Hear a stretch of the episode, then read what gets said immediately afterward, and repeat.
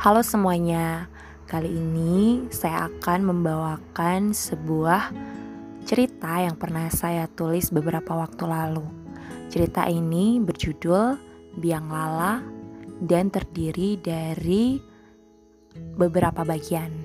Dan sekarang saya akan membacakan bagian yang pertama. Selamat mendengarkan.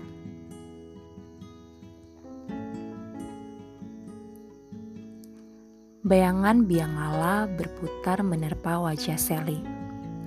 Dalam hitungan detik, bayangan itu berganti dengan kilau cahaya lampu sorot. Kelap-kelipnya membelah gelap langit malam yang membentang. Sepasang mata lebar Sally hampir tak berkedip memandanginya. Riuh rendah di sekitarnya seperti teredam. Sebaliknya, Suara seorang laki-laki tertawa tak henti-hentinya mengiang di telinganya. Hahaha, payah lo sel. Kalau berani kejar ayo. Awas ya toh. Sel, mau makan es krim. Aku yang traktir. Sel, aku capek nih, pijitin dong. Sel, kamu kok cantik sih? Sel, Sally, Air mata Sally terjatuh. Betapa ia sangat merindukan saat-saat itu. Ketika ia bisa merasakan Alma secara langsung. Suara tawanya, sentuhan usilnya, aroma tubuhnya, dan yang paling menawan adalah ekspresi wajahnya saat berbicara. Entah bagaimana setiap lekuk wajahnya seperti terbentuk dengan sempurna. Tidak kurang dan tidak lebih. Sally tidak peduli pandangan orang tentang Alma. Tapi yang ia tahu dan ia yakini, Alma adalah satu-satunya manusia sempurna untuk dirinya.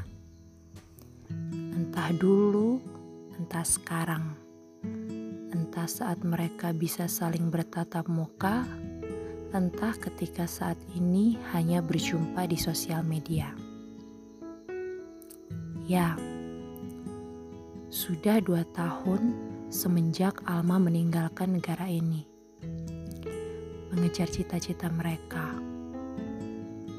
Seharusnya Sally pun bersamanya tapi kejadian tak terduga membuat Sally tidak bisa pergi bersama laki-laki itu. Kedua kakinya harus direkonstruksi setelah kecelakaan pesawat setelah ia pulang liburan. Semenjak itu, ia harus menjalani operasi demi operasi dan sampai sekarang pun kakinya belum bisa berfungsi dengan normal. Sally masih terpaku menatap yang lala di wahana wisata itu ketika sebuah pesan masuk di handphonenya. Seperti keajaiban, Alma mengiriminya pesan. Halo cantik, lagi ngapain? Sally tersenyum saat membacanya. Jantungnya berdegup kencang. Tak berubah sejak terakhir kali Alma memeluknya sebelum berangkat ke luar negeri. Sally sengaja tidak langsung membalas. Ia masih menatap lama pesan itu, membayangkan Alma ada di hadapannya saat menyapa. Ia tersenyum sendiri. Ia bukan saja bersyukur, tapi sangat bahagia ada Alma di dalam hidupnya. Laki-laki yang sudah dikenalnya sejak tujuh tahun lalu di kampus. Waktu itu, mereka memang tidak terlalu akrab. Tapi satu tahun terakhir saat mereka berdua mendapatkan dosen pembimbing yang sama, mereka dengan cepat menjalin hubungan pertemanan. Entah bagaimana, Sally seperti baru saja menemukan separuh diri di dalam teman sekelasnya itu. Laki-laki yang biasanya terlihat cuek dan menyendiri itu ternyata punya ruang yang sangat luas di dalam otaknya untuk mimpi-mimpi yang sangat luar biasa. Sally langsung jatuh hati saat mengenal kepribadian itu. Alma terlalu berharga untuk Sally. Sampai-sampai Sally tidak ingin sama sekali mengungkapkan perasaannya yang mungkin saja bisa merusak hubungan baik mereka. Lagi mikirin kamu, hehehe. Tebak aku di mana? Sally membalas chat Alma sambil berusaha keras untuk tidak tersenyum lebar. Ia takut kalau-kalau orang di sekitarnya menganggapnya aneh. Tak sampai semenit, Alma langsung menjawab. Di hati aku, eh bener gak sih? Hahaha. Kali ini, Sally tidak sanggup menahan senyum lebarnya. Terserahlah orang mau menganggapnya apa. Idih, pede. Aku di Taman Gempita, di toko es krim yang menghadap yang lala. Kamu inget kan? Balas Sally. Wah, kok kamu bisa sampai ke situ? Kamu udah sehat. Jangan capek-capek, nanti nggak sembuh-sembuh loh kakinya. Ih, kok reaksi kamu gitu sih? Bisa nggak kalau nggak usah ngomongin kaki? Nggak usah bahas itu. Yang jelas, aku seneng banget diajakin Tera ke sini. Hahaha, oke deh, maaf. Kamu seneng apa kangen? Hehehe. Alma tertawa lagi. Meski cuma dalam bentuk huruf, itu seperti hormon endorfin untuk Sally. Iya, kangen. Kangen biang lalanya. Hehehe. Awas, nanti mabuk lagi kayak dulu. Balas Alma. Ya udah deh kalau gitu, biang lalang gak usah ngechat lagi aja, nanti aku makin mabuk. Sally mematikan layar handphonenya cepat-cepat. Ia tak percaya berani melontarkan gombalan semacam itu pada sahabatnya sendiri. Handphonenya bergetar lagi. Dua pesan masuk. Sally menarik nafas panjang sebelum membuka pesan itu. Matanya disipitkan, takut melihat reaksi Alma. Astaga Sally, aku tersanjung loh, hahaha.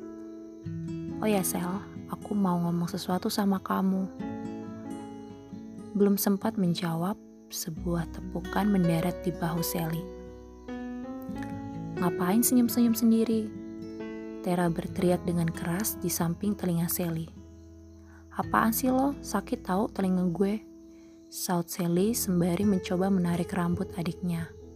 Tapi Tera menghindar jauh sehingga Sally yang cuma duduk di kursi roda tidak bisa berbuat apa-apa. Wajahnya kusut karena tidak bisa lagi melanjutkan chat dengan Alma. Pasti gara-gara ke Alma ya. Idih, Gak capek apa tiap hari cuma sayang-sayangan lewat chat. Udah gitu, gak jadian juga. Sindir Tera. Sally hanya dia menatap tajam Tera yang bermulut pisau. Ini bukan yang pertama kalinya Tera mengganggu. Setiap ada kesempatan, pasti ada-ada saja olokannya tentang hubungan mereka yang sebegitu saja. Memang ada kalanya Sally takut kalau-kalau Alma memang benar hanya menganggapnya sebagai teman. Tapi Sally sepertinya tidak ingin tahu lebih jauh. Ia hanya ingin menikmati setiap detik kebahagiaannya bersama satu-satunya orang yang ia cintai. Ibunya telah pergi sejak ia masih di bangku SD. Ayahnya sibuk bekerja di luar negeri. Sedangkan si centil Terak, satu-satunya adik perempuannya masih sibuk menyelesaikan kuliahnya hingga jarang mereka bertemu. Hingga kini di usianya yang menginjak 25 tahun, tidak ada lagi satu orang pun yang bertahan menemani dan membuat ia semangat untuk terus bermimpi selain Alma. Jarak bukan masalah baginya selagi mereka masih sama-sama ingin bersahabat. Apaan sih Ra? Udah ayo pulang, ujar Dovi sambil mendorong kursi roda Sally. Dovi adalah pacar Tera. Baru beberapa bulan mereka pacaran, tapi Sally cukup menyukai pacar adiknya yang satu ini. Malam ini pun, Dovi yang punya ide untuk mengajak Sally jalan-jalan bersama mereka. Tera tertawa sambil berjingkrak sepanjang jalan mereka menuju ke tempat parkir. By the way, kalian duluan aja deh ke mobilnya. Aku masih mau beli cemilan malam untuk kita. Tolong anterin kakak aku ya, Beb. Tera mencubit pipi Dovi dengan manja. Ra, jangan lama. Lama-lama gue jadian sama pacar lo. Ujar Sally kesal dengan tingkah adiknya yang hiperaktif. Hahaha, nggak apa-apa aku rela sih daripada kakak di terus sama Kak Alma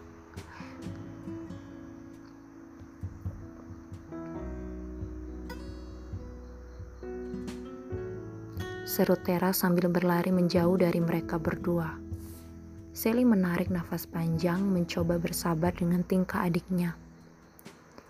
Sampai di parkiran, Dovi membantu Sally untuk masuk ke dalam mobil. Makasih ya Dov, kata Sally singkat. Dovi cuma tersenyum menjawab Sally.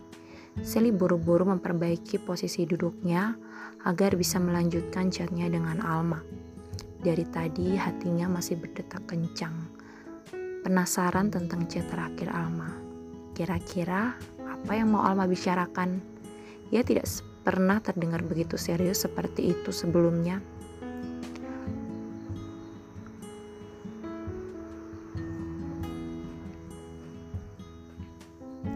Hati Sally jadi berdesir.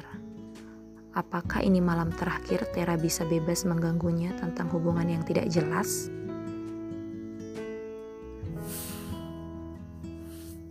Sally tidak berani membayangkan terlalu jauh. Kak, maaf tapi aku boleh tanya nggak? Tanya Dovi tiba-tiba. Suaranya terdengar serius. Sally lagi-lagi batal menyalakan layar handphonenya dan memilih menjawab pertanyaan anak laki-laki di depannya. Tanya aja, tentang apa? Ujar Sally. Cowok yang namanya disebut-sebut Tera itu, kata Dovi pelan. Hah, maksud lo Alma? Tanya Sally pelan. Perasaannya tiba-tiba tidak enak. Iya kak, dia yang ini atau bukan sih? Dovi menunjukkan sebuah foto di layar handphonenya.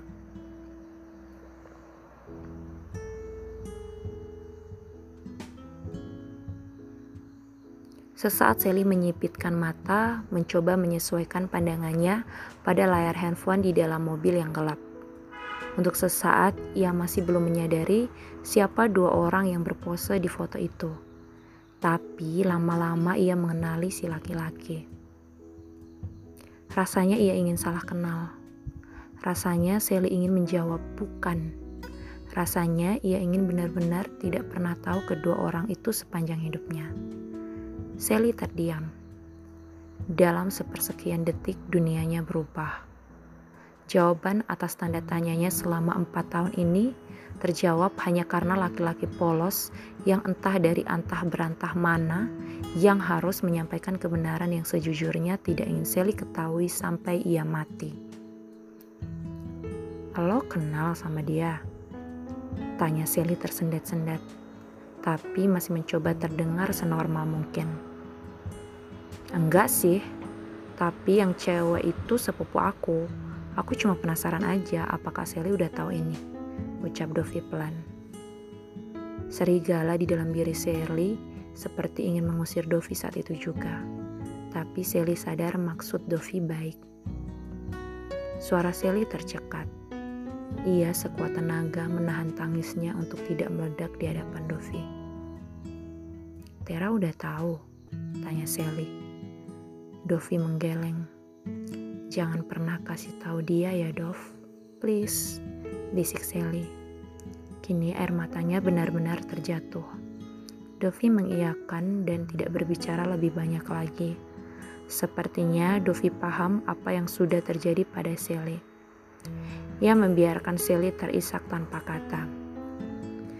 Handphone Sally tiba-tiba bergetar lagi, dan tanpa sengaja Sally membaca pesan Alma dari notifikasi.